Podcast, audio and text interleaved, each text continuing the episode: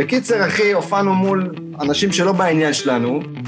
מישהו חשוב שם בצוות של הבמה התמסטל מדי. תופס אותה פיזית וגורר אותה מהבר, והיא בצווחות אימים. ואז באיזשהו שלב בא אליה הבעלים של הבר ואומר, את צועקת. אתם מאזינים להופעה מהגיהנום, עם דניאל סלגניק ואורי רונן.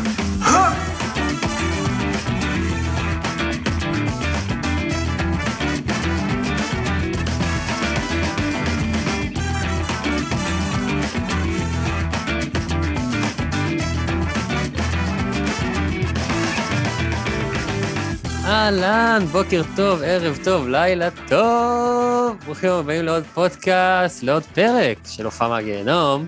אני אורי רונן, ואיתי נמצא הדוש. דניאל סלגניק. מה קורה? מה המצב? בסדר, בסדר. שלום לכולם, ברוכים הבאים לעוד פרק נוסף של הופעה מהגיהנום. אה, פרק שאני מאוד מתרגש אה, להיות חלק ממנו, כי אני ניצחתי שוב, יש לנו סטנדאפיסט שוב, ואורי רונן הוא אפס שוב. Uh, מה קורה איתך, אחי? מה שלומך בימים אלה? וואלה, אני טוב, אני טוב, הייתה לי הופעה מהחינמון לפני איזה כמה זמן. Uh, תומר ישעיהו, סידר לי, תומר, פרק 22, לכו לפעול. גבע אלון. כן, לא, הוא התארח אצל גבע אלון בברבי, mm. אז כזה ביקשתי ממנו, תומר, אתה יכול... כן, אז הוא אמר, מחכה לך באהבה, משהו כזה. יש, ובאתי כל הדרך מהדרום. אף אחד לא רצה לבוא איתי, הפסידו, היה מדהים. גבע ותומר נתנו חזק חזק בראש. עומר. אמ, כן, ואז גם, אה, זה היה מצחיק, אחרי הופעה כזה דיברנו קצת וזה, ואז הוא שאל אותי, מה, איפה אתה גר? אה, בתל אביב? כאילו, אמרתי לו, לא, אחי, איפה? באתי מאור הנר, באתי מה, מהדרום. ואז הוא כזה הופתע כזה, שבאתי עד לתל אביב בשביל הופעה, ואז הוא כזה עושה לי, אתה מדליק, אתה. מי אמר לך, תומר ישעיהו אמר לך, אתה מדליק? ככה הוא אמר לי, אתה מדליק, אתה... וואו, קבל מדליק מתומר ישעיהו זה כמו לקבל כיף אחי מקרים אבדול ג'אבר. זה... משהו. זה לא הגיוני. כן. כל הכבוד. אפרופו, מדליק, מה אנחנו שותים? בירה ג'מס. לא הספקתי להביא, רגע. רגע, אז תביא, תביא. אל תערוך את החלק הזה, אני רוצה שאנשים ידעו שאתה כושל בלתכנן תוכניות. ברוכים היום לפודקאסט הסולו של דניאל סלגני. שומעים אותי, אני בא, אני בא. אוקיי, ברד ג'יימס, הבעיה שאם אני אפתח את זה... לחיים, זה אינזולי, זה תמיד קורה, כי אני משכיב את זה במקרר. אל תשכיבו את הבירות, כי אין לי מקום. תשכיבו... כן, תשכיבו את הבירות בלי הסכמה של הבירות. אה, מיטו, בירטו. לא יודע. בקיצור. תראו אותו בשוונק, יש כותב היום. אני אספר, קודם כל מגניב אחי, וגם שאלתי מה היה איתך כדי לספר לך פשוט את הסיפור שלי, כי לא העליתי להקשיב. סתם לא, אני הייתי בדובאי, מי שלא יודע אני הייתי בדובאי, אני טסתי כדי לסקר קובה של סבתא מנתניה, שהכניסה את הקובה לתפריט במסעדת יוקרה במלון בדובאי, אמיתי לגמרי. והייתי ארבעה ימים שם בדובאי על חשבון העבודה, והיה משוגע והיה מטורף, אבל יש לי סיפור שיעצבן אותך, אורי רונן, ושמרתי אותו, כי רציתי לעצבן אותך במיוחד. אחי, זה היה קשה לי, אני לא יודע לשמור סודות. אמ, בקיצור, אז היינו במלון, אוקיי, היינו אני, הסבתא וכל ה, המלווים שלנו, היינו שישה, שבעה אנשים, היינו קרו, היינו כמו, כמו קרו של טופק, היינו כאילו, אתה יודע, צוות. והיינו במסעדה, במסעדה הישראלית במלון, מלון מפואר משוגע. יא. ופתאום את מי אנחנו רואים עכשיו, אתה תמיד אומר לי שאני סופר גרוע ב mingling, נכון? אתה יודע, גם אני אומר לך את זה. שאני מגה גרוע אחי, אני לא טוב ב mingling, אני אף פעם לא זוכר מה להגיד, אני אף פעם לא יודע איך לקדם את עצמי. לא, ואתה גם לא עושה, גם כשאתה יושב שעה וחצי עם אורח שאנחנו רוצים להביא, שהוא מסטול תחת, אתה לא אני לא אגיד לו כלום. נכון, אני אדבר איתו. אני יודע על מי אתה מדבר. ההוא עם העיניים. ההוא עם העיניים. בקיצור, אז אני יושב, אני יושב שם, אחי, ואני... ואתה יודע, אני יושב איתה במסעדה וזה, ופתאום אנחנו רואים מישהי, זמרת מפורסמת, נרקיס. אתה לא אומר מי? אתה לא תגיד מי? נרקיס. אה, נרקיס, אוקיי. ונרקיס באה, אחי, והיא הייתה הכי חמודה בעולם, והיא דיברה איתנו איזה 20 דקות, חצי שעה, ואז, אתה יודע, ומדברים איתה על הכל, וזה, ועל ישראל, ואיזה כיף, ופה ושם, היא דיברה איתנו על הקובה של הסבתא, אחי, מה שאתה רוצה. חצי שעה אני מדבר איתה, ואז אחרי שהיא הולכת, אני כזה, שיט. מילה לא אמרתי לה, מילה לפודקאסט, אחי. איך, איך זה לא... זה היה לתפוס אותה בכזאת פינה, שכאילו בטוח שהייתה אומרת כן, אבל... זהו, אחי. אתה חושב שיש לה הופעות גרועות לזמרת כמו נרקיס? היינו מבקשים ממנה להמציא. היינו מבקשים ממנה להמציא. טוב, אני, אני אפילו, אתה, חתכתי כל כך הרבה סיפורים מדובאי, שאני אספר אותם בפרק הבא, כי אני רוצה לקפוץ לאורח שלנו, אני רוצה לדבר איתו מקסימום זמן. מי האורח? ספר, ספר עליו קצת. דור כהן. כהן. כן, אחי. קודם כל הוא uh, מנחה את הפודקאסט uh, חוויית הדור כהן, שזה פודקאסט מעולה, מעולה, מעולה. Mm-hmm. אחד הפודקאסטים המצליחים בארץ באופן כללי, וגם אחד האהובים עליי, אני שמעתי המון המון פרקים משם. ובלי קשר, אחי, הוא סטנדאפיסט, והוא כותב, ואתה יודע, יש לו רקורד של, הוא בן 30 וקצת, ויש לו רקורד של כאילו 20 שנות עשייה, אחי, הוא כותב לטייכר וזרחוביץ', והוא כותב לארץ נהדרת, והוא uh, כתב לדעתי לטלוויזיה מהעתיד גם, וזהו, כאילו לא צריך להוסיף. המונולוג של שאולי על מלחמת האזרחים. המונולוג של שאולי על מלחמת האזרחים, הוא השתתף בכתיבה שלו. אחד הטובים. Uh, אחד הטובים, נכון. גם ראיתי שקראת את הרעיון של מאקו ששלחתי לך, יפה. וזהו. אני נרגש להביא אותו, אני תמיד בעד לאזן את המאזן. יש לנו עוד הרבה סטנדאפיסטים לעבור כדי שנוכל להגיע לשוויון. אתה יודע מה עוד קורה בפודקאסט שלו שלא קורה אצלנו מספיק? מה קורה? חסויות! אתמול שמעתי פרק, הוא נתן חסות לאיזה זוג מבוגר שמוכר אה, מסגרות של משקפיים, משקפיים נכון. בדיזנגוף סנטר. הם חזקים אצלו, כן. כן, אז אה, חבר'ה, אנשים, בעלי עסקים, מוזיקאים, אתם רוצים לפרסם אצלנו משהו? דברו איתנו, זה קורה, זה עכשיו, אה, ואתם יכולים, כן, להשתמש בפלטפורמה המדהימה הזאת של הפודקאסט שלנו. ולפרסם את עצמכם, אז דברו איתנו. אם זה מגניב ויש לכם משהו לקדם, אנחנו כאן. דור כאן, כאן, כאן, אה, יהיה הרבה משחקים היום. אל תערוך את זה, כי אני רוצה שכולם יעזבו ברגע הזה. דור כאן, הסכתים. במשחק מילים שלך, אלוהים ישמור. סבבה. טוב, אז יאללה, בואו לא נשאר את זה יותר, נעבור לאורח שלנו. בוא נעשה את זה. רבותיי, דור כאן.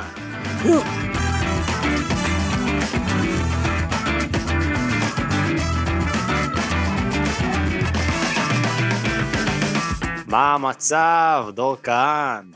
מה קורה? מה המצב? מה קורה? מה העניינים? מה העניינים? אה, אורי רונן ודניאל אה, סלגניק? סלגניק? סלגניק, יפה, קרוב. בסדר, גם את השם שלי אתה אמרת לא נכון, אז אני... למה? כהן? כהן? כהן. כן. כן, זה לא כאן רגיל, אתה צריך להדגיש את ה... זה גרמני? זה גם ה' כן, זה, זה פשוט כהן בגרמנית, אבל אה, זה בעיקר מטרד לכל הסובבים. אה, זה כמו אוליבר קאן, השוער. בדיוק, בדיוק כמו אוליבר קאן, ועוד כל מיני אה, חבר'ה שפחות פרצו. כן. שפחות פרצו. הוא פרץ, הוא כן. פרץ אז אתה, אתה, אתה, אתה כאן, כאילו, המפורסם במשפחתך מקום שני, אחרי אוליבר. אה, לא, יש את יובל כאן, שאחראי למוות של הנחל צפית. Mm. הראש המכינה. אתה חושב שהוא יותר מפורסם ממך? אני חושב שהוא יותר מפורסם ממני. צריך לעשות בגוגל תחרות, לראות כמה, מה קופץ יותר. וצריך לראות כאילו, זהו, כמה אנשים מעוותים את הפנים שלהם בשנאה שאתה אומר להם את השם שלך, ואז לפי זה אתה יודע, כאילו. כן, אבל זה יכול להיות גם כי הם לא אוהבים אותי, זה לא נראה לי קשור בהכרח נכון. לבן אדם. נכון, זו אינדיקציה בעייתית. סתם, אני לא באמת כזה אדם שנוא. סתם ניסיתי להישמע אג'י. אבל... תגידי, אה, גם מעניין אותי כי אתה הפודקאסטר הרביעי נראה לי שאנחנו מביאים. כן. וזה תמיד, אה, אתה יודע, inside baseball כזה, שאנחנו מביאים פודקסטרים אחרים, אז אנחנו יכולים לדבר איתם על אה, דברים של פודקסטרים. על הברנצ'ה. אתה יודע, נדבר על כבלים, על... תקשיב, האוקס. אתרי אחסון. כרטיס קול. SoundCloud, overrated.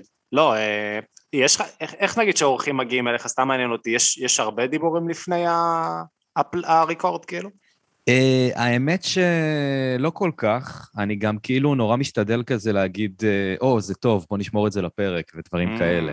שזה גם uh, קרה לפני שתי דקות. כן, לא יודע, זה כאילו...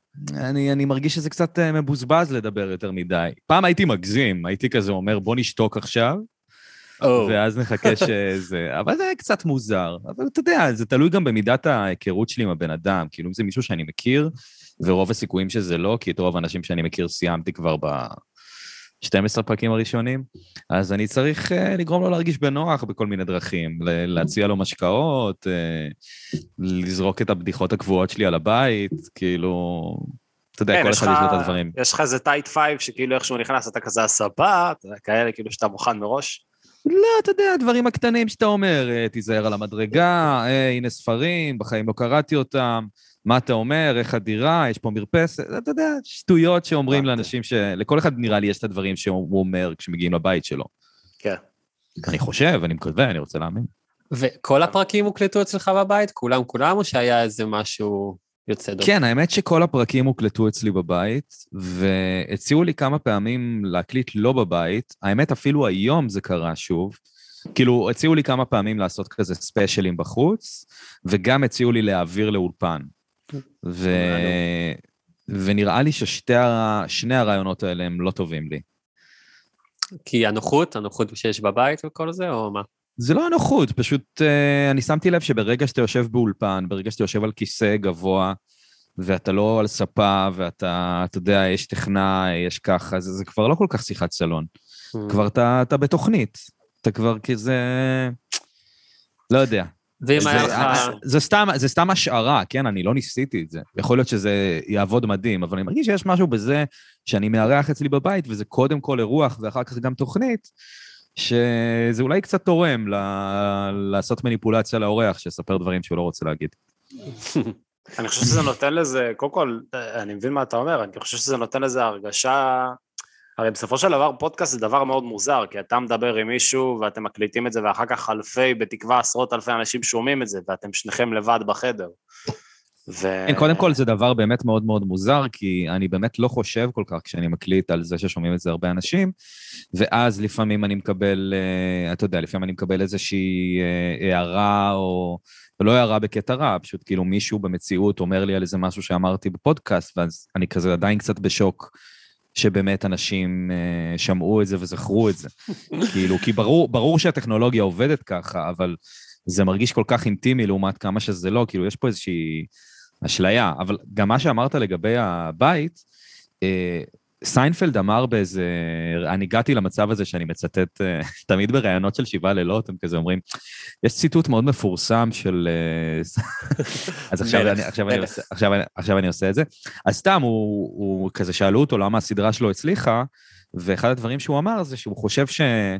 אה, יש כאילו בית שאנשים חוזרים אליו, שזה כאילו הדירה שלו, וזה פריים מוכר, ואנשים מרגישים שם בבית ובנוח. ולא שהצלחתי כמו סיינפלד, כן? אבל אני חושב שכן יש משהו, נגיד, אתה יודע, זה ש... אתה יודע, בהתחלה אמרתי, אני מקליט על ספת הרייש, ספת הרייש. עכשיו, מבחינתי זה לא הייתה איזושהי בדיחה מדהימה להגיד ספת הרייש. אה. אבל אחר כך אנשים אמרו לי ספת הרייש, אז אמרתי, כן, וואלה, כנראה יש קטע בזה שזה כאילו באותו מקום, באותו זמן, נראה אותו דבר, כאילו, מדמיינים איזשהו חלל שהוא קיים, שאולי באולפן אין אותו ממש. מעניין כן. מה שאתה אומר, כי כאילו שני הפודקאסטים הכי גדולים אה, לדעתי בארצות הברית, שאחד מהם נראה לי פחות או יותר, אתה יודע, שאבת קצת מההשראה, זה The Joe Rogan Experience, של חוויית הדור כהן. כן, ו- כן, כן. ו-WTF של אה, מרק מרון. אה, אתה מכיר את השני? ברור שאני מכיר. אז אני, אני מאוד אוהב פודקאסטים, אני מאוד, מאוד בעניין הזה, כאילו, אני לא... אז הם, הם כאילו, הם, הם מקליטים במקומות מאוד שונים, כי ג'ו רוגן יש לו אולפן מטורף, אחי, מפחיד, כאילו, אתה יודע, עם כזה סיגרים ו...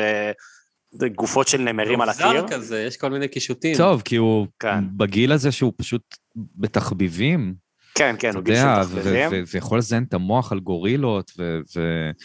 אני אוהב את הפודקאסט שלו, אני לא כל כך אוהב אותו. Mm. אז כאילו, אם אתה אומר שלקחתי השראה, אז בטח, לקחתי השראה מהרעיון של הפודקאסט, אבל, אבל אני לא, הוא לא מבחינתי איזושהי דמות שאני כאילו מסתכל עליו ב... אתה לא מתכוון לאבד את השיער שלך וללכת למכון שש פעמים בשבוע. אני מנסה שלא לאבד את השיער, ואני הולך למכון שלוש פעמים בשבוע. בשבוע טוב, אבל לא, אני לא מרגיש דומה לו, או שהוא איזושהי השראה בשבילי באיזשהו אופן, אבל הפורמט, כן. הפורמט, השאלה, כן. אתם צופים או מאזינים? זו השאלה. כי... מה זאת אומרת? אה, בג'ו רוגן? כאילו, אתה צופה בג'ו רוגן, או שאתה רק מאזין? אם אני כבר שומע, ואני לא שומע הרבה, אני שומע רק כשיש אורח שמעניין אותי, אז אני משתדל לצפות. Mm, כן. לא שזה נותן כזה הרבה. לי דווקא זה מוסיף. נגיד הפודקאסט שאני וסטלגניק, שאבנו ממנו השראה, זה, לא יודע אם אתה מכיר, Tuesday with Stories, של שני קומיקאים. תגיד, אתה עושה צחוק? אורייט, סורי, סורי. הוא המליץ עליו בפרק עם מתן בלומנבלט, יא. אתה מדבר פה עם... לא שמעתי את הפרק. אתה מדבר פה עם טיוזגיי. אה, טיוזגיי, וואו. אני מנוי לפטריון. אני מת לדעת. אחי, אורי קנה merchandise. אני כן. באמת? כן. יואו, יואו, יואו, שאנחנו נבריח את כל המאזינים, אבל... יואו, אתם לא רואים, אבל הוא מחזיק ספל של הפודקאסט האהוב עליי. נכון. למרות שקצת נחלשתי בשבועות האחרונים, אני קצת מחכה לנישואין של מרק ול special שלו בנטפליקס, לא special, לחצי שעה שהוא עושה. חצי שעה שלו, כן. אבל אני די ב team ג'ו ליסט, האמת. אשכרה, וואי, אני ממש כן, בטים כן. מרק, אחי. כן, לא, פשוט... אה, כן, אני לא יודע, יש בו דברים שהם נורא מדברים עליי, אבל כן, זה פודקאסט מדהים, ופודקאסט מדהים. טוב, חיפשתי את החולצה, יש גם חולצה, אבל אני לא יודע איפה היא, אבל מה, עם הקערת אה, צ'יפוטלה? כן, כן, לא, קניתי שהם בתוך אה, בוריטוס. כן, כן, נראה לי התכוונתי לזה. כזה. פניתי אליו, אתה יודע, למרק נורמנד לפני יומיים, לדעתי זה היה כאילו כמו לפנות לוויל סמית מבחינתי, זה כזה, למה שהוא יענה לך. אני פניתי לג'ו ליסט והוא ענה לי. באמת. טוב, הוא פחות מפורסם. אנחנו צריכים לדבר על זה אחר נכון. כך. אה. זה נכון, כן, כן, כן. זה אינסייד בייסבול, כן. אה, אה, אז, אז קודם כל, מה, ש, מה שרציתי להגיד, אנחנו נגיע להופעות מהגיהנום, תכל'ס זה היה סתם תירוץ להביא אותך לפה, לא רצינו לדבר איתך על הופעות גרועות, אבל, אבל רציתי, מה שעניין אותי זה שהפודקאסט שלך זה בעצם הפודקאסט הראשון לדעתי, לפחות המצליח, אני לא יודע כמה אחרים היו, על רעיונות אינטימיים ועמוקים יותר, זאת אומרת, על הרמה הזאת של, אתה יודע, שמרק מרון עושה, שג'ו רוגן עושה, זה משהו שלא היה לפני בישראל, וזה כאילו מעניין אותי אם הפודקאסטים, גם כמו הסטנדאפ נגיד פה, הם בדיליי של 10-12 שנה אחרי ארצות הברית, כי תרבות נגיד הסטנדאפ שיש לנו, זה תמיד ב delay כזה של 10-15 שנה storytelling, הדברים האלה זה דברים שהגיעו רק בשנים האחרונות, אחרי שאצלם זה כבר התחיל כאילו אתה יודע, לפני כן. 15-20 שנה. שמע, קודם כל, אני, אני לא חושב שאני הראשון שעשה את זה. קודם כל, אם אנחנו מדברים על, על פודקאסטים שמראיינים סטנדאפיסטים, אז היה את אה, ישיבת כתיבה שטרית. של אייל בריג, ויש את אלדד שטרית מאחורי כל צחוק, אה, ויש כל מיני תוכניות, ב, אני לא יודע אם זה נחשב, תוכניות ב-88, שאסף ליברמן מראיין כל מיני מוזיקאים, uh, ויש מצב שיש עוד דברים שלא עקבתי אחריהם, אז אני לא... לא, לא מרגיש בנוח עם, ה, עם להגיד שאני הראשון בזה או משהו כזה, אבל, אה, אבל מה, מה בעצם שאלת? אם אני, אם אני חושב שזה מגיע באיחור, כאילו? אני אגיד לך מה, נכון שאתה לא הראשון שמראיין אנשים ברמה כזאת, כאילו, אבל אני חושב שנגיד אלדד שטרית הוא יותר מדבר איתם על סטנדאפ, על כתיבת בדיחות, ואתה יודע, על הפן הקומי. איתך זה מרגיש, אתה יודע, זה מרגיש כמו שיחת נפש אה, מצחיקה. זה, זה בעיניי, אה, כאילו, הפודקאסט שלך ממה שיצא לי להקשיב. כן, בקטע הזה אני באמת, נגיד ממרק מרון, אני כן, אני כן באמת לקחתי את הכיוון הזה. Uh, הבעיה שספציפית מרק מרון כבן אדם גם קצת משעמם אותי.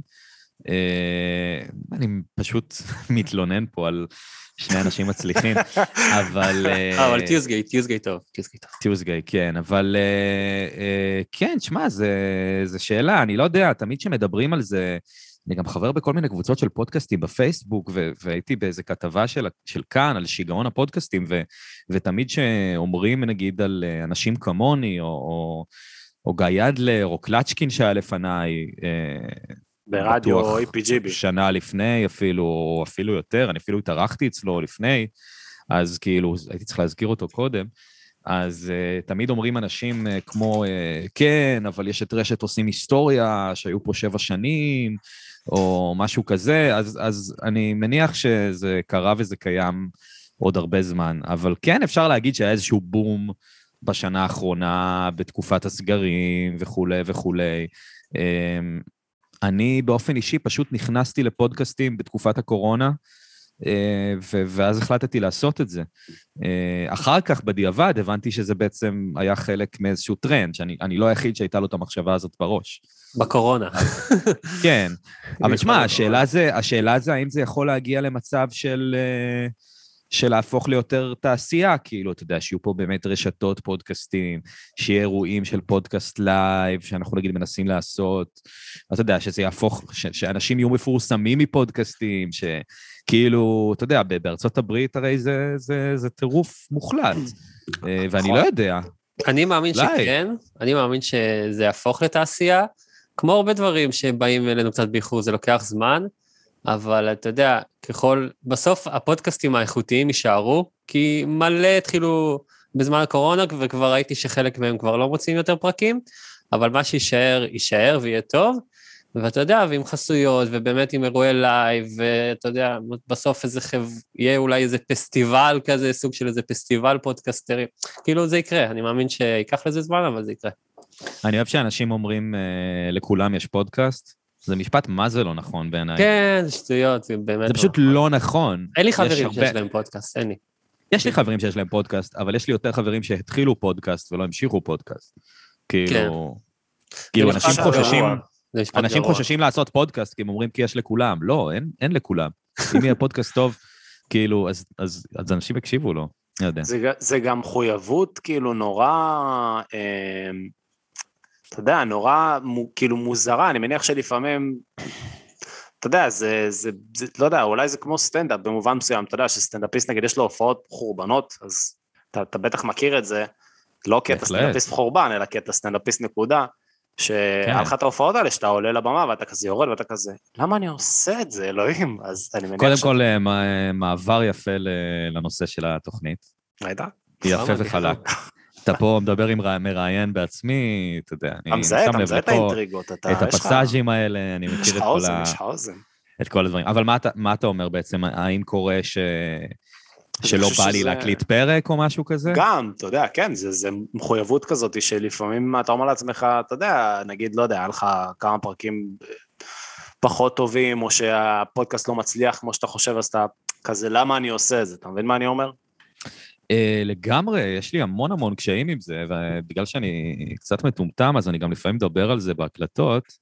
Uh, אבל uh, כן, ברור. Uh, הקטע שהיה לי נורא נורא קשה פעם, זה שכל יום ראשון, כשאני מוציא פרק, הייתי ממש מחכה לתגובות של אנשים, ובהתחלה היו באמת תגובות כזה מטורפות, שיתפו בסטורי, פרק חובה, ואז זה הפסיק לקרות.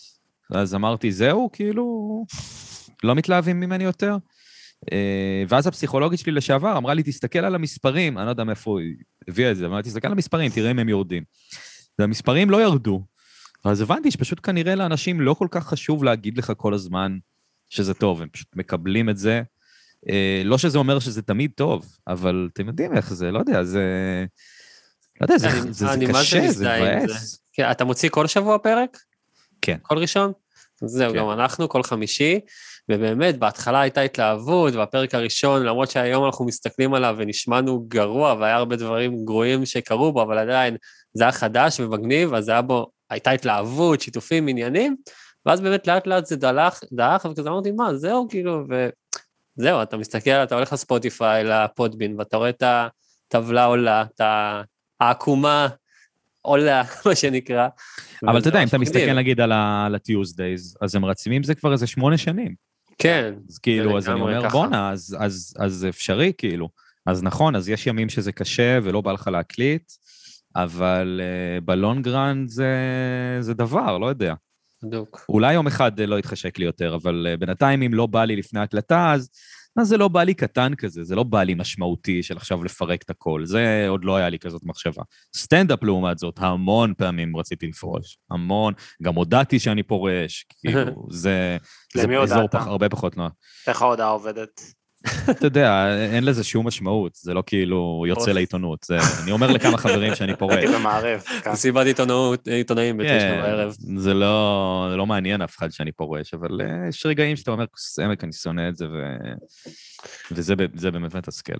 אז אה, קודם כל, יש יש המון מה לדבר איתך גם בנוגע לזה שאתה, אתה, כאילו, אתה גם בפודקאסטים וגם יש לך, אתה יודע, סטנדאפ וגם אחי אתה כותב אתה יודע, הרזומה שלך זה כזה ארץ נהדרת, אה, טייכר וזרחוביץ', אתה עדיין עושה, אה, כתבת לטלוויזיה מהעתיד גם לדעתי, נכון? אה, כתבתי, לא, כתבתי ושיחקתי יחד עם יותם בקר וגיתית פישר באיזה שישה מערכונים, משהו כזה. אהבתי את המערכות של המלצרים. אה, תודה. כן, הוא באמת הכי, הכי הצליח ממה שעשינו. אבל אה, כן, זה היה, זה היה די נקודתי. אני, אני לא חלק מטלוויזיה מהעתיד, אבל עשיתי שם איזה כמה דברים.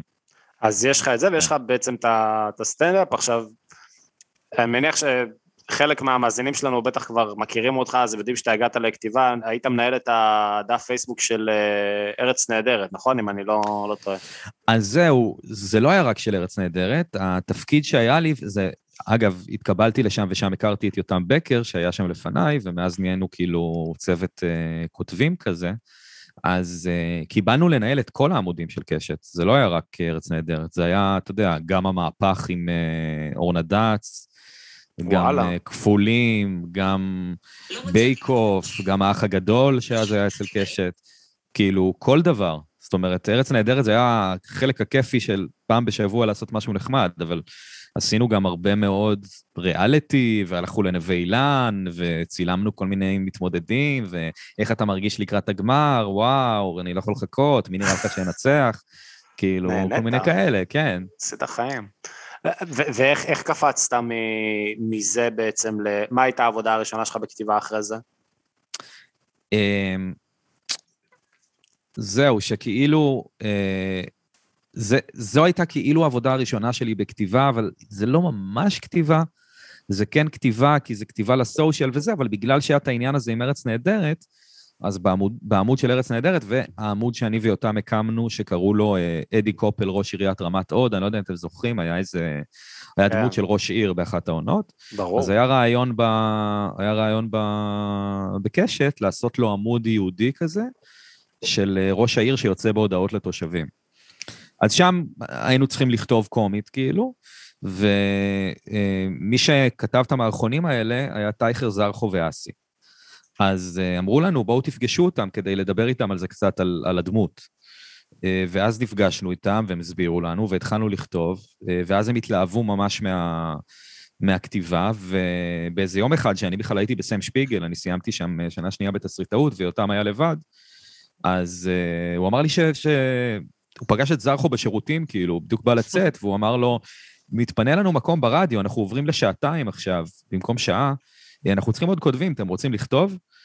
אה, והוא התקשר אליי, אני הייתי בשיעור, והוא, זאת אומרת, זו הייתה התוכנית האהובה עליי באותו שלב. אני גיליתי את זה שנה לפני, והייתי אובססט לחלוטין על טייכר וזרחו, והייתי בהלם שזה קרה, ואפשר להגיד שזו עבודת כתיבה בתוכנית הראשונה שהייתה לי, כאילו, בדבר שהכי חלמתי לעשות. זה היה די, די משוגע.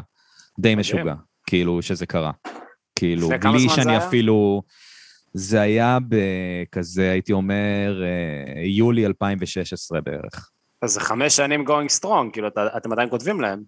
כן, כל סופש. כל סופש ארבעה מערכונים. מגניב. טוב, כן, טוב, אין, טוב. אין לי שבתות. חברים, סלגניק, אני, אני, אני סיימתי לגלגל, אנחנו כאן בהופעה מהגיהנום, אבל אני באתי לשמוע הופעות גרועות ומחרבנות.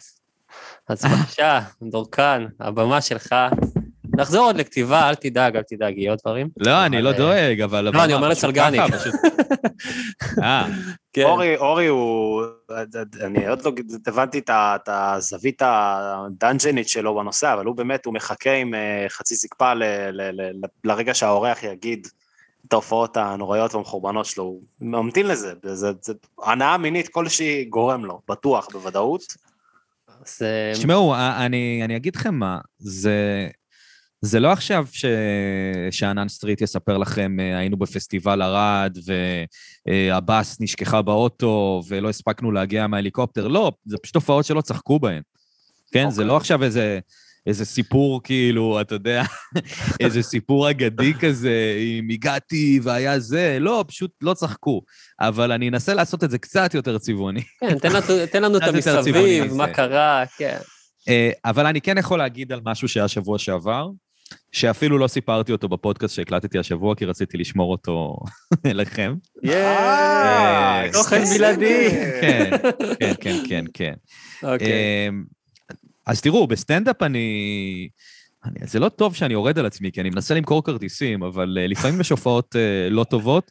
לא ההופעות שאליהם אני מוכר כרטיסים, לדוגמה 30 בנובמבר בבוטלג, ששם תהיה טובה, אבל בהופעות אחרות שלא הייתם בה, לא הייתם בהן, אז לפעמים קורים דברים. לדוגמה, אני ביום, אה, זה לא משנה איזה יום, זה השבוע שעבר, אה, חברי הסטנדאפיסט המצחיק אלי חביב, אה, אם אתם מכירים אותו, ואם לא, כדאי להכיר מאוד מאוד מאוד, עשה הופעה מלאה והציע לי לחמם אותו. אז שמחתי. וזה היה בבית ציוני אמריקה, מקום שקצת קשה לי איתו, הוא נראה כמו מוזיאון, שם שטיחים, לא יודע, לא אווירה של בר וכיף, אווירה של... לא יודע, לא, לא בשבילי. דודה, דודה לוקחת אותך לבילוי כזה. אווירה, כן, אווירה, סליחה על המילה, אשכנזית מדי, מדי, מדי, מדי. ובקיצור, יום, כמה ימים לפני, זרחו שולח לי הודעה שהוא רוצה לבוא לראות. אני אומר לו, כמובן, בשמחה גדולה, ובראש אני חושב, כאילו, אני, יהיה לי קצת קשה שהוא יבוא לראות, כי אני עכשיו צריך להרשים אותו. נכון, אני עובד אצלו כבר חמש שנים, ואתה יודע, אני מכיר אותו, אנחנו מיודדים והכול, אבל זה יותר מלחיץ שבן אדם כמו זרחוביץ' יושב בקהל. אה, ואז הוא אומר לי, וגם אה, טייכר יבוא, וגם אסף שלמון, שזה הכותב הראשי של ארץ נהדר. וואו. אז אמרתי, לא- אוקיי. אף אחד מהם לא ראה אותך עדיין מופיע? הם ראו אותי בעבר, אבל אה, הם לא רואים אותי הרבה.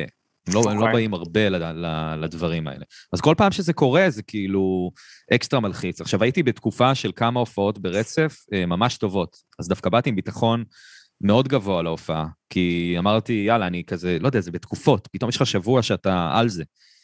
אה, אז הגעתי לה, להופעה, וזה, היינו באולם, אה, ואז מנהל, מנהל האולם או משהו כזה אומר לי ולאלי, שמעתי שטייכר וזרחו פה, אל תדאגו, נתתי להם כרטיסים טובים טובים בשורה השנייה.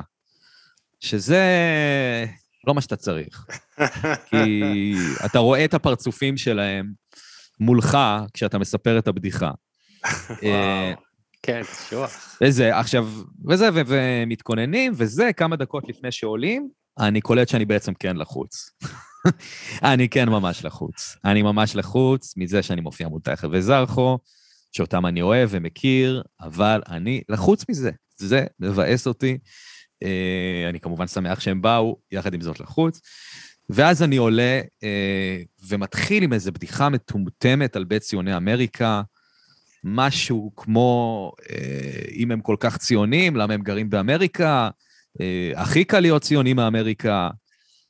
אתם כבר, הצחוקים המתגלגלים שלכם אומרים הכל, אבל זה מה שבאותו רגע חשבתי, שזאת הבדיחה המושלמת לדבר. אה, וזה, התחלתי וככה, ולאט לאט אני קולט שזה לא כל כך ממריא. זה לא כל כך ממריא, וגם הקטעים שלי לאחרונה נהיו קצת, סליחה על המילה הנוראית, אה, עוד מילה נוראית. אג'ים, אג'ים okay. הייתי אומר. קצת, אתה יודע, אני כאילו קצת נהנה כזה לבחון טיפה גבולות, מה מותר להגיד ומה אסור להגיד. זה חלק מהכיף בשבילי בסטנדאפ, כאילו, לא יודע, זה, זה, זה כיף לי, אני לא מתנהג ככה כל כך בחיים או בפודקאסט, ובסטנדאפ אני כן נהנה לעשות את זה. Uh, הבעיה היא שהתחלתי לראות כמה שוויסים בקהל, uh, ושאין לי בעיה, תהיו דתיים, uh, תהיו חרדים, תהיו מכל הסוגים, אבל כשאתה בקהל, בהופעה, uh, אתה בראש שלך, אתה רוצה אנשים שנראים בול כמוך. לא, כי זה, לא כי זה בסדר ולא כי הם האנשים הנכונים, פשוט מהחרדות, כל בן אדם שנראה אחרת ממך, אתה אומר, הוא לא יבין אותי. וזה וואלה. פחד מטומטם, ושאני לא גאה בו. ברור, אה, אבל, אבל מחשבות זה... שרצות לך תוך כדי ההופעה שאתה רואה כן, את האנשים בקהל. כן, כן, והולך לי לא כל כך טוב, אני מנסה להציל את זה. מה אתה עושה שאתה מנסה להציל? אתה מנסה עם איזושהי מודעות, כאילו לפחות אני מודע לזה שהלך לא טוב. אתה יודע, להגיד משהו כמו, טוב, זה הלך טוב, או אהבתם את זה, מפה זה יחמיר. אה, כל מיני שטויות כאלה, אה, שלפעמים זה עובד, אבל כשזה לא עובד, אז אתה ממש כאילו כמו, אתה יודע, אתה כאילו מחליק לך משהו מהידיים, אתה, אתה לא יודע כאילו מה זה. וזה בדיחות שאני אוהב גם, לא תגיד בדיחות כאילו שניסיתי, חוץ מהבדיחת ציוני אמריקה הענקית.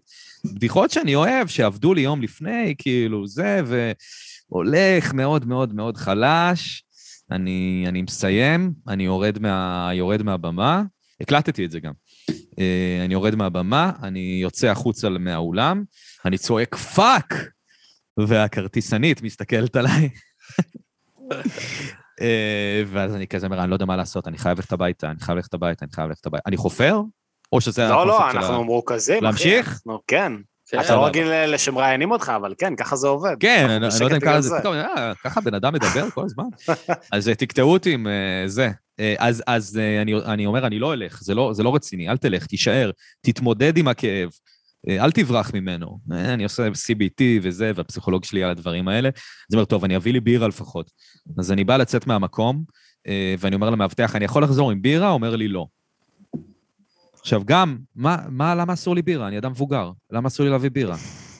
כאילו, לא הבנתי את זה. מה, בטיול שנתי, כאילו, תן לי להביא בירה, אני רוצה לשתות בירה. לא נתן לי להביא בירה, אני מסתובב בפנים, אני לא יודע מה לעשות, אני לא יודע אם לחזור. אני לא יודע מה לעשות, ואז uh, חברה שגם מנהלת את ההצגה, קוראים לה נועה, באה וישבה איתי, אמרה, היה מעולה. אמרתי לה, מעולה, הייתי מחריד, הייתי מזעזע. אמרה, לא, היה מעולה, היה מעולה. תחזור, תחזור פנימה, יהיה בסדר, יהיה בסדר. איכשהו שכנע אותי. אני חוזר פנימה, אני יושב על המדרגות, אה, ומה אני רואה? אה, שלא רק טייכר וזרחו היו, אלא בסביבות רוב צוות הכתיבה של ארץ נהדרת, כולל המחיקות, ישבו בקהל. אני פשוט רוצה למות.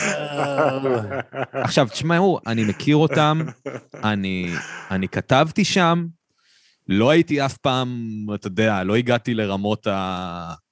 לא, לא, לא, לא הרגשתי שם אף פעם בבית, ממש, כאילו, זה, זה, זה עדיין היה לי לא נעים. מלא מלא אנשים שאני רוצה להרשים היו שם, ואני פשוט מרגיש מחריד, פשוט מחריד ומזעזע.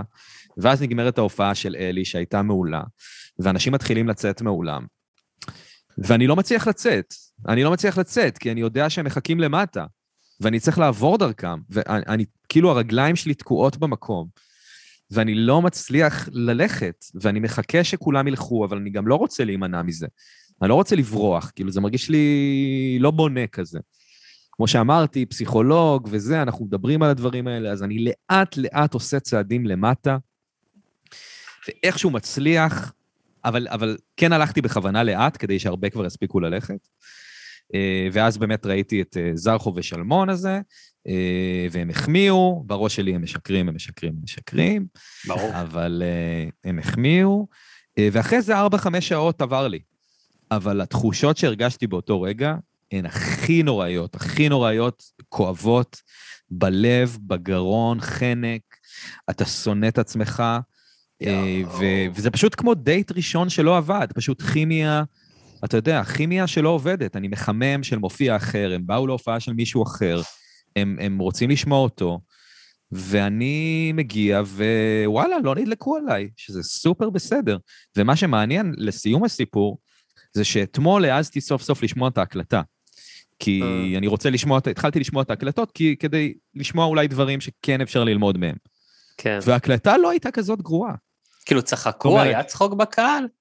צחקו, ש... כן, צחקו. צחקו. לא, לא, לא בטירוף. לא היה, לא היה, היה ביט אחד שלם שלא עבד, אבל היה צחוקים בסדר, hmm. וזה ממש לא היה כזה נורא כמו שהיה לי בראש. אתה דמיינת אה, כאילו שאף אחד לא צוחק וזה, אתה מתרסק וזה נוראי וזה חרא. אני דמיינתי שאף אחד לא צוחק, אני דמיינתי שהם יוצאים משם ואומרים, מה זה החרא הזה? מה זה החרא הזה? בסדר, הוא כותב, הוא זה, הוא פודקאסט, אבל מה, ואם זה הסטנדאפ שלו? יופי, הכי קל לעשות פודקאסט, אתה לא צריך לספר בדיחות.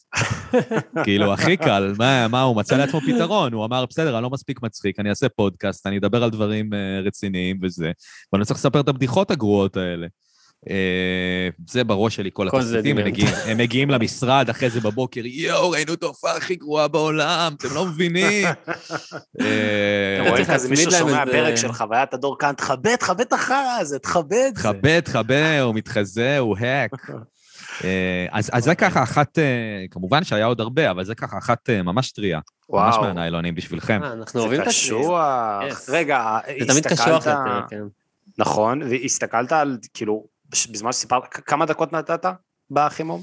11-12 אה, דקות כזה.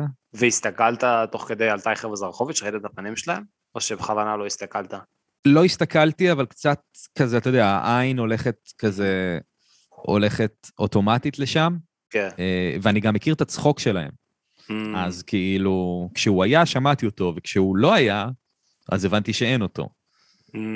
זה קטע מבאס בסטנדאפ לעומת מוזיקה, שבמוזיקה, אולי בכפיים של סוף השיר אתה יודע איך הלך, או בסוף ההופעה, אבל במהלך הסטנדאפ אתה כל הזמן יודע איך הולך לך, וזה באמת יכול להיות נורא נורא אכזרי. גם אי אפשר לזייף את זה, מחיאות כפיים יכולים למחוא לך מתוך נימוס, כאילו, אתה יודע, עכשיו יש לך קטע פרוגרסיבי של שבע וחצי דקות וזה לא מעניין אותם, אז הם מחכים שתסיים וכזה כפיים, אבל אתה לא יכול לזייף צחוק, לפחות לא בצורה אמינה ולאורך זמן, כאילו. כן, כן, אנשים אה, נוטים, אה, נוטים לא לזייף צחוק, אלא אם כן מישהו בא ואומר, אה, זו הופעה ראשונה שלי, ואז אנשים משתגעים ומתנהגים כאילו זה קריס רוק שהגיע. אה, מפרגנים כזה over. זה קטע שקורה. זה טריק טוב להגיד כל הזמן שזו הופעה ראשונה שלך. זה טריק לא רע. כן. יש כן, כן, סטנדאפיסט כן. אחד שעשה איזה ספיישל על זה, שקוראים לו רורי סקובל first סטנדאפ, שהוא כאילו... כן, אבל זה לא באמת ה first time. זה לא באמת, לא, אבל הוא כאילו מתנהל ככה. בוא'נה, יש לנו עולם תוכן דומה לאט לאט, אני מגלה. ראית מה זה? לא, אני, אני לגמרי מבין את ה... אני התחלתי לכתוב למישהו מופע, סטנדאפ, ו... כן, והוא... אבל מי? פה... תגיד מי. דניאל סטיופין. הופה, הוא אמר! הוא תמיד לא נמנע מלהגיד עד עכשיו. לא יודע מי זה. מאזינים יודעים, חובבי קופה ראשית. כן, כן, שמעתי שהוא אה, התחיל, אה, שמעתי שהוא התחיל להופיע. הופה, שמועה התפשטה. אז התחלתי, כן, כן. לכתוב לו אה, מופע, ובאמת הייתי איתו לאחרונה על איזה במה, ואתה יודע, הוא עליו, הוא היה בטוח שהלך נורא, ואני כל הופעה יושב ומקליט כאילו כדי אחר כך ל- ל- לכתוב לעצמי הערות וכאלה, והלך הרבה פחות נורא ממה שחשבתי, כאילו פתאום בהקלטה זה כזה מוזר, כי החוויה שלך על הבמה היא כל כך שונה לעומת המציאות ברמת העיוות כאילו עובדות, כאילו אתה אומר אף אחד לא צחק, אבל זה לא נכון. תשמע, זו חוויה מאוד מאוד מערערת, בתכלס. כאילו, שאני לא מבין מה קורה. זה אומר כאילו, רגע, אין לי, אין לי תפיסה של המציאות? זה גם קורה לי עם פרקים של הפודקאסט. יש פרקים מסוימים שאני, אני לא אגיד איזה, אבל יש פרקים מסוימים שאכלתי סרט כל הפרק בתוך הראש, והרגשתי שרואים, ששומעים את זה עליי. שאני לא כאן, שאני לא באמת נמצא, שאני משעמם, שאני חוזר על עצמי, ושלחתי לחברים לפני, אני לא עושה את זה הרבה, אבל לפעמים אני שולח לחברים קצת לפני, כי תגיד, תגיד, אני, אז שומעים עליי שאני מאבד את זה? והם לא שומעים כלום. ו, והתחושה הזאת שאתה חושב שאתה מזעזע, אבל אתה לא, היא נורא מערערת. אגב, יכול להיות שגם לפעמים אני מזעזע, כאילו, אני לא אומר שכל פעם שאני חושב שאני גרוע, אני לא, אבל בוא נגיד שהרבה פעמים שאני חושב שאני גרוע, אני בעצם לא גרוע, וזה מערער שאין לך יכולת ביקורת עצמית טובה, כאילו משהו לא מקוייל כל כך. זה קטע? תסמונת המתחזה, אומרים ש-70% מהאוכלוסייה סובלת מזה, זה כאילו משהו מוכר של כזה, אתה יודע, אני, הם עוד רגע הם יעלו עליי, הם יעלו עליי, הם הולכים לדעת. כן, אבל, לא, אבל אני לא מרגיש כבר מתחזה, אני כן מרגיש שיש דברים מסוימים שהשגתי, זה, זה יותר הנקודות הספציפיות, למרות שאתה יודע מה, בתוך הנקודה הספציפית הזאת, בתוך הופעה גרועה, יכולה לצבוע לך את הכל, יכולה להגיד לך, אתה סטנדאפיסט גרוע, כאילו, תפסיק עם זה. בהופעה ממש גרועה, זה יכול להגיע לשם, ולא רק ל... היה לך ערב גרוע. הפרקים האלה שהרגשת בהם איזה, זה היו פרקים, נגיד, של חבר'ה שהיה חשוב לך, כאילו, אתה יודע, ל- ל- להיות בתוך הפרק, ל- להרשים אותם אפילו, חבר'ה שהרצת, חבר'ה ש... אתה יודע, שהתרגשת מהם. אני כן אגיד, אני כן אגיד שכשבאים אורחים יותר uh, מפורסמים, מידת הלחץ שלי באמת עולה. כאילו, uh, והרבה פעמים נורא נורא חשוב לי לצאת יותר טוב, כי אני גם יודע שישמעו את זה יותר אנשים, אבל זה גם קצת השתחרר לי. טיפה טיפה נרגעתי מהקטע הזה של להילחץ מאורח מפורסם, וגם, uh, לא יודע, אני חושב שקצת uh, קצת השתפרתי ב... בכישורי ההנחיה שלי וניתוב השיחה ודברים כאלה, כאילו, זה הרבה, זה הרבה סביב ביטחון עצמי אצלי, אני מרגיש, אני פשוט מנסה להיות עם ביטחון ולשאול מה שבא לי באמת, ורוב הפעמים בצד... פעם הפחד שלי היה שהבן אדם יתעצבן עליי, יגיד, מה אתה שואל דבר כזה? למה, למה אתה שואל אותי שאלה כזאת? זה ממש לא מנומס. אתה בא, אני, אתה, אני בא אליך הביתה, אני מסכים לבוא לפנות מלוח הזמנים שלי, ואתה שואל אותי שאלה כזאת חצופה, ממש היה לי פחדים כאלה. הפחדים שלך אה, ממש מפורטים גם לפרטי פרטים, הפחדים, המחשבות, אתה... זה כאילו, זה קטע, אתה... זה מגניב. מה, רוב הפחדים הם ספציפיים, לא? לא? לא, גם איך שאתה מתאר את זה, כאילו, גם, אה, אתה יודע, שתיארת איך שהם לא צחקו בהופעה, או איך שבן אדם אה, ישאל אותך שאלה, מה אתה שואל אותי שאלה כזאת? כאילו, אתה כבר בונה איזה סצנה כזאת שלא באמת קרתה. כן, כן, אבל, אבל, אבל כן היו מקרים, נגיד, כן היה, נגיד, בתחילת הפודקאסט, היו, היו מקרים של אנשים ש... אה, דברים שלא נכנסו לפרקים, באמת. יותר עם גברים, אגב, ששאלתי, נגיד, שאלה קצת אישית, והם כזה לא כל כך ידעו איך להתמודד עם זה. ואז נכנס לי לראש הרבה פעמים הפחד שאני חוצה את הגבול, שאני, שאני שואל אנשים שאלות אינטימיות מדי.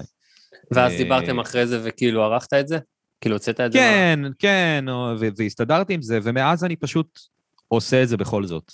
אה, ו... ואני מצליח לגרום לזה כן לקרות. לא יודע, איכשהו אני... איכשהו הצלחתי להשתפר בזה, וגם אני דואג להזמין אנשים שאני יודע שיש להם יותר, אה, יותר נכונות לדבר, כי לא סתם שהם, אתה יודע, שם מסוים או משהו, מישהו ש, שבא לו לדבר תכלס, ולא רק על האלבום החדש שלו או על, ה, או על היצירה והדברים כאלה, שזה גם מעניין, אבל uh, לא בא לי רק על זה, כי זה אפשר בכל מיני מקומות. ברור, uh, אני, אני מבין אותך, כן, קודם כל קסם העריכה הוא קסם uh, מאוד underrated, אתה יודע, אנשים, אני לא יודע איזה פודקאסטים, יש פודקאסטים נגיד כמו ג'ו רוגן, שהוא באמת פודקאסט לייב, שוב, אני לא יודע כמה הוא לייב, עורכים ממנו, לא עורכים ממנו, אבל עורכים בפודקאסטים, זה סוד, אני לא יודע אם המאזינים אה, לא יודעים את זה, אבל עורכים, יש עריכות. גם בפודקאסט שלנו יש עריכות לפעמים.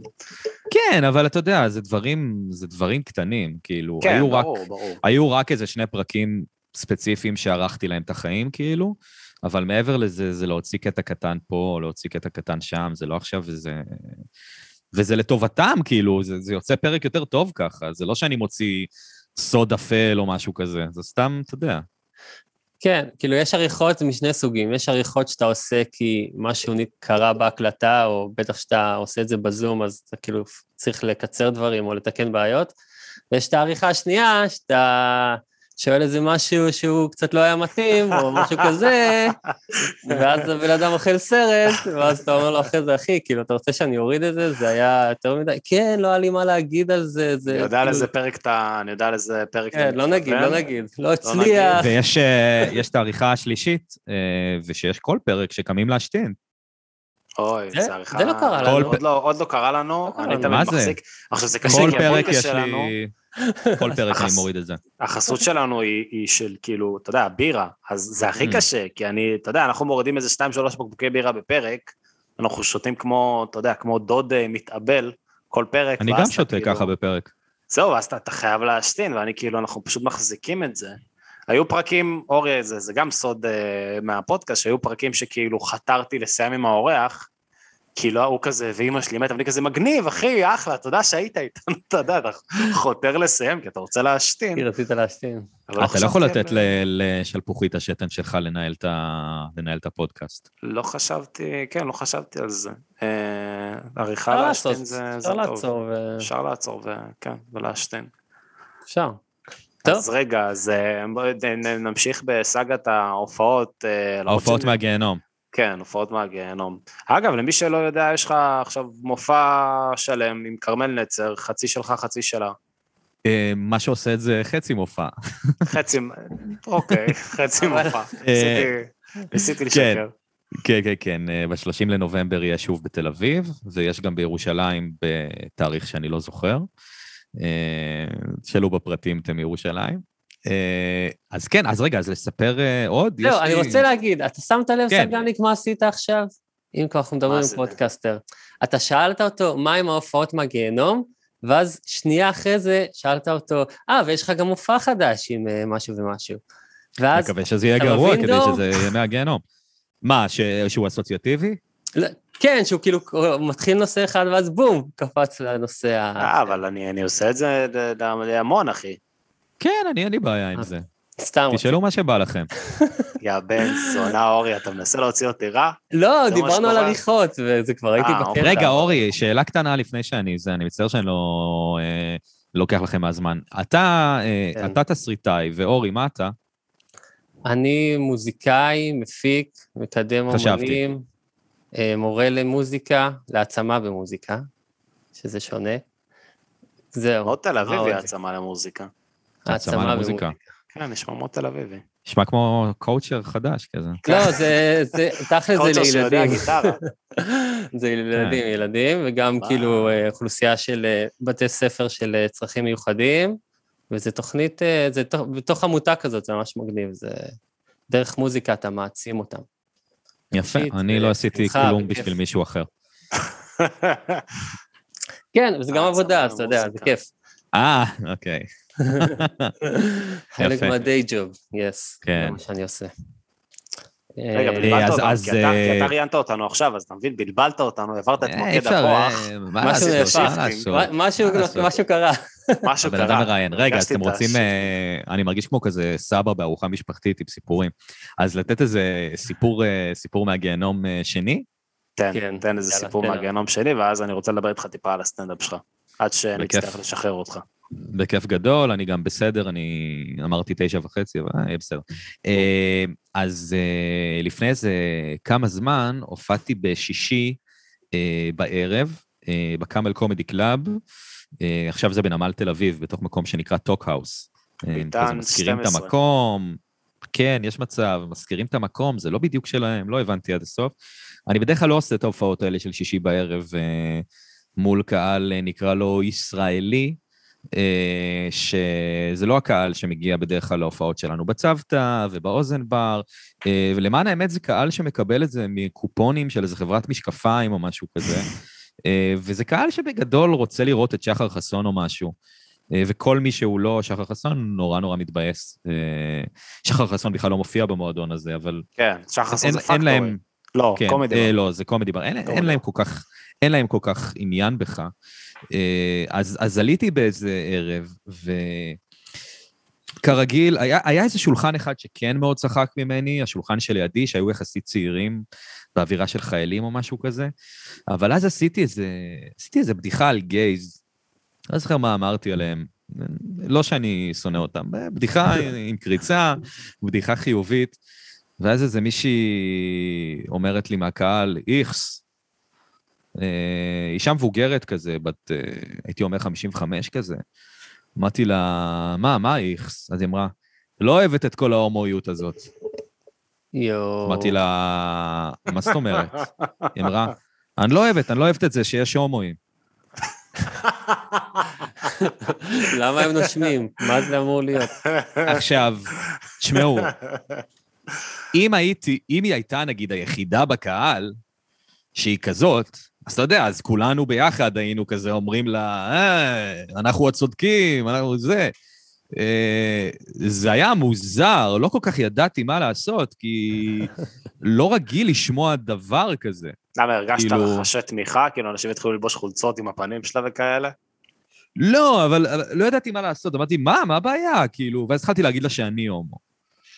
כאילו, התחלתי להגיד לה, אני הומו, כאילו, מה הבעיה בזה? והיא ממש התבלבלה, כאילו. וניסיתי להציל את זה, וניסיתי כאילו להגיד, כאילו, אני אפילו לא זוכר מה אמרתי, אבל אתה יודע, כמו שתיארתי מקודם, שאתה מנסה להציל איזה כדור שנופל לך מהיד או משהו כזה, אני לא יודע למה, זה כאילו האימג' שיש לי בראש, שמשהו מחליק לך מהיד, ואתה מנסה בכוח בכוח לתפוס אותו. אז ניסיתי ללכת סביב הדבר הזה ולנסות איכשהו להתייחס לזה בצורה מצחיקה, אתה יודע, את כל ההומואים את שונאת, את כל הזה, ולא, אף אחד לא צחק מההצלה שלי, פשוט נשארנו בחדר עם זה שיש אישה שאמרה בחדר שלם עם מלא עם אנשים שהיא שונאת הומואים. אף אחד לא עשה לה בו או משהו כזה, וזה התנהל כדעה אה, לגיטימית. ו- וכשאני אמרתי לה שאני חושב שהיא לא צריכה לשנוא הומואים, זה סתם יצא כאילו אני מטיף לה. שזה מה שהייתי אומר לבן אדם שהיה מדבר איתי ברצינות, אתה יודע, אומר לי, אני שונא הומואים, הייתי אומר לו, לא, מה אתה שונא הומואים, אחי? אל, אל תשנא הומואים, זה מטומטם. אבל בהופעת סטנדאפ, אה, אני פשוט אמרתי לה שהיא טועה, לשקט ענק אה, באולם. אה, וזה היה מוזר, לא חשבתי שאני צריך לנהל שיחה כזאת. אה, איפה זה היה? איפה זה היה, אמרת? זה היה בקאמל, אבל אתה יודע, אני לא אומר לא שכל ההופעות שם הם כאלה.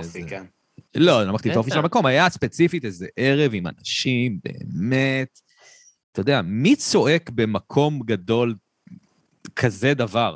מי אומר את זה בשיחה פרטית? גם, אבל היא, היא, היא האמינה בזה, היא לא עשתה לי סתם. זהו, תחשוב ופשוט... כמה ביטחון יש לה, כאילו, אתה יודע, כן. היא איתמר בן גביר של השנאת הומואים, שזה תכלס איתמר בן גביר, כאילו... כן, אבל הוא פולש על, על, על כל מיני תחומים של שנאה. כן, הוא רב... אני לא יודע, אני לא יודע מה אצלה עוד יש, אבל בגדול פשוט השתתקתי, ניסיתי לעשות כל מיני בדיחות שלא עבדו, ומהר מאוד פשוט ירדתי משם, ו... ואני אגיד לכם את האמת, לא כי אני מנסה לצאת איזה סופר ווק ו- ומדהים, זה, זה, ברור שזה obvious שאני לא מאמין בזה, אני אפילו לא צריך להגיד את זה, אבל יצאתי משם די בהלם. כאילו, יצאתי משם די... אני לא מאמין שכאילו מישהי דיברה ככה עכשיו.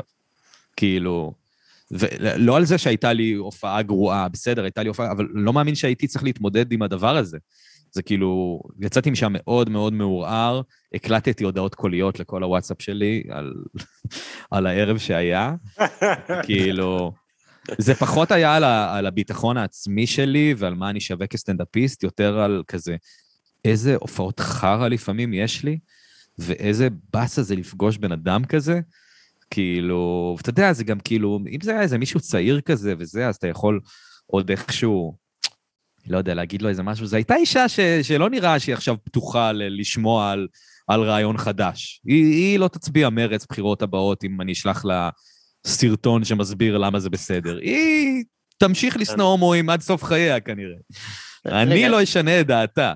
אני די בטוח אפילו שהיית נושא שיחה, אני די בטוח שכאילו היא חזרה הביתה והיא אמרה למשפחה שלה כזה, אתם יודעים שהלכתי למועדון קומדיה ומישהו גרם לי, חשב שהוא יגרום לי להפסיק לשנוא הומואים, וכולם, מה? אני לא מה? כאילו...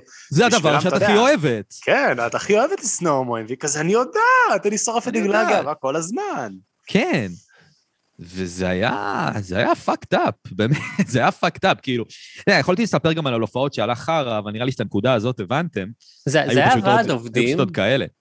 זה לא בדיוק ועד עובדים, אבל זה אווירה של ועד עובדים. זה אווירה, אני לא יודע להסביר לכם, זה אווירה של, של, לא חברים, חברים של ההורים שלכם, לא, משהו...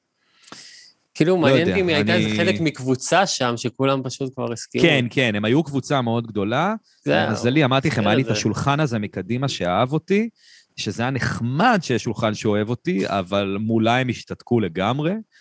וכאילו הייתי כזה, הייתי פתאום צריך להיות, לא יודע, מרב מיכאלי של הסיטואציה, כאילו, גם איך אני מסביר לה עכשיו שזה בסדר, אין לי את הכלים לעשות את זה גם אינפורמטיבי וגם מצחיק, ו...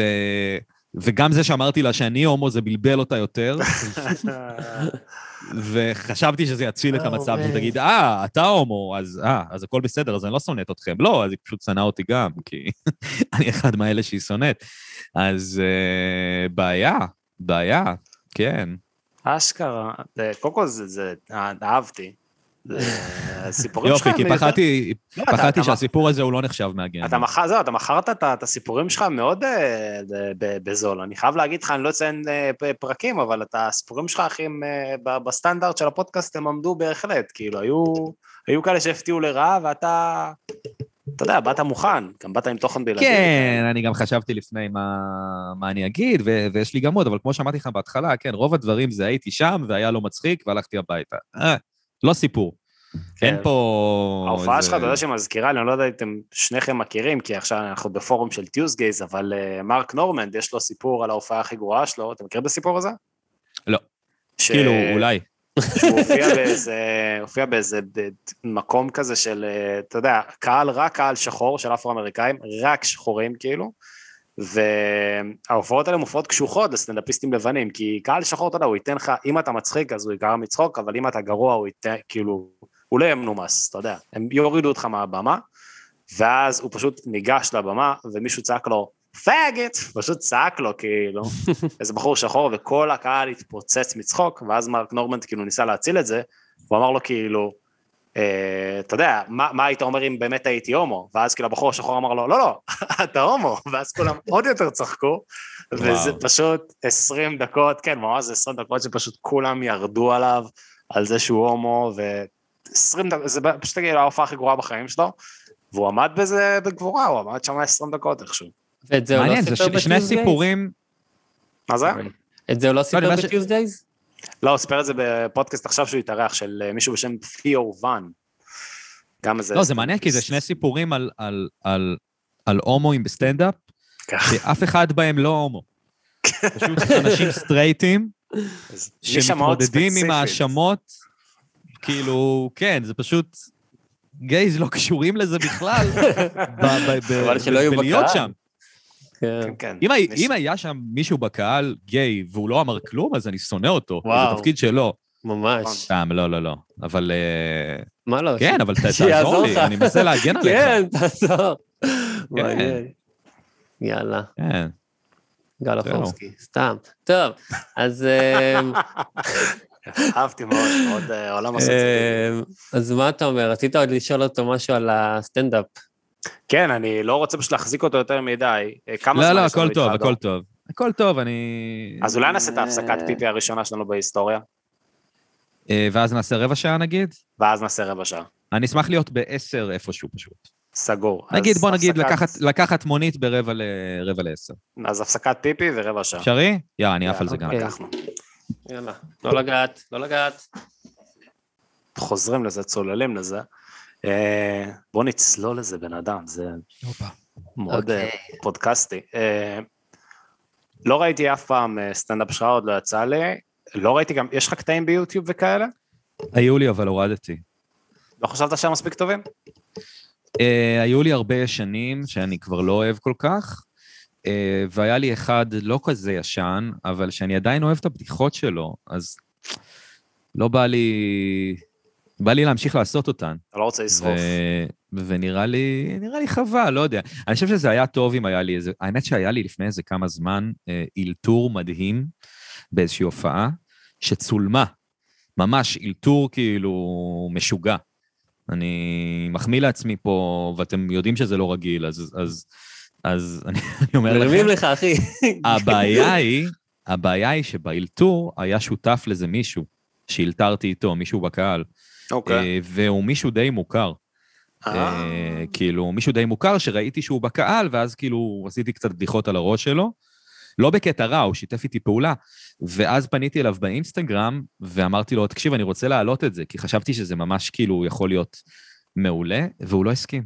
אה, אשכרה. ועכשיו אני תקוע עם זה. אתה יכול להגיד מאיזה תחום הוא? תחום הספורט, הקולנוע, פוליטיקה? תחום הבידור. תחום, וואו, וואו, אהבתי את הקשת כן, כן. הרחבה. שנחזור למשחק הניחושים. תחום הבידור. היה לנו עם אור אדרי, אולי גם mm. פה נעשה.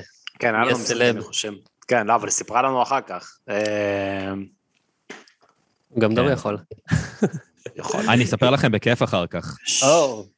זה קצת מכעיס אותי, האמת, שהוא לא הסכים, כי זה היה ממש מצחיק. אבל אני לא, לא, לא רוצה להגיד את השם. כאילו, בחור טוב והכול, אבל תן לי לשחרר את זה, זה מצחיק.